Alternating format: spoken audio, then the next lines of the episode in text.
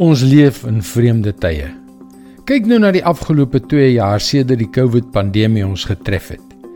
Kyk net hoe anders is die wêreld vandag as wat ons selfs 24 maande gelede verwag het dit sou wees. Hallo, ek is Jockey Gouchee vir Bernie Diamond en welkom weer by Vars. As jy nou terugkyk na die afgelope paar jaar, hoe het dit jou geraak? Watter dinge het jou verras? Was daar dinge wat jy nooit verwag het nie?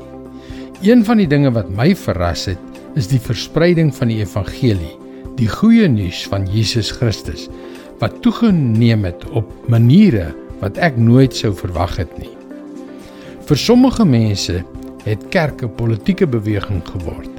Hulle het so erg behep geraak met politieke dogma en vergeet wat dit beteken om 'n disipel te wees wat sy kruis opneem en Jesus volg. Dis nie 'n nuwe ding nie, maar in hierdie laaste paar jaar het dit meer op die voorgrond getree tot op die punt waar sommige mense wat hulself Christene noem, die evangelie misbruik teen diegene met opponerende politieke en ideologiese sienings. Kom ons kyk wat die evangelie oor die basiese beginsels sê in 1 Korintiërs 15 vers 1 tot 5. Ek herinner julle broers aan die evangelie wat ek aan julle verkondig het en wat julle ontvang het en waarin julle ook gefestig staan. Deur die evangelie word julle ook gered as julle vashou aan die boodskap soos ek dit aan julle verkondig het. As julle aan iets anders vashou, het julle te vergeefs tot geloof gekom.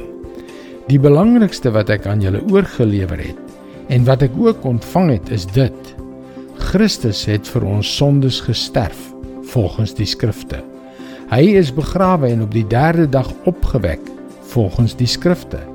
Hy het aan Sefas verskyn, daarna aan die 12. Die goeie nuus van Jesus Christus was nooit bedoel om as wapen gebruik te word nie. Dit is God se woord vars vir jou vandag. Ons is almal op 'n unieke manier deur die onlangse gebeure geraak. Vir sommige mense was dit traumaties. Maar die goeie nuus is dat die enigste soort gebed waarvan die Bybel praat, die soort is wat kragtige resultate lewer. En ons sal graag saam met jou bid. Gaan gerus na powerfulprayer.org om jou gebedsversoek te deel sodat ons saam met jou kan bid.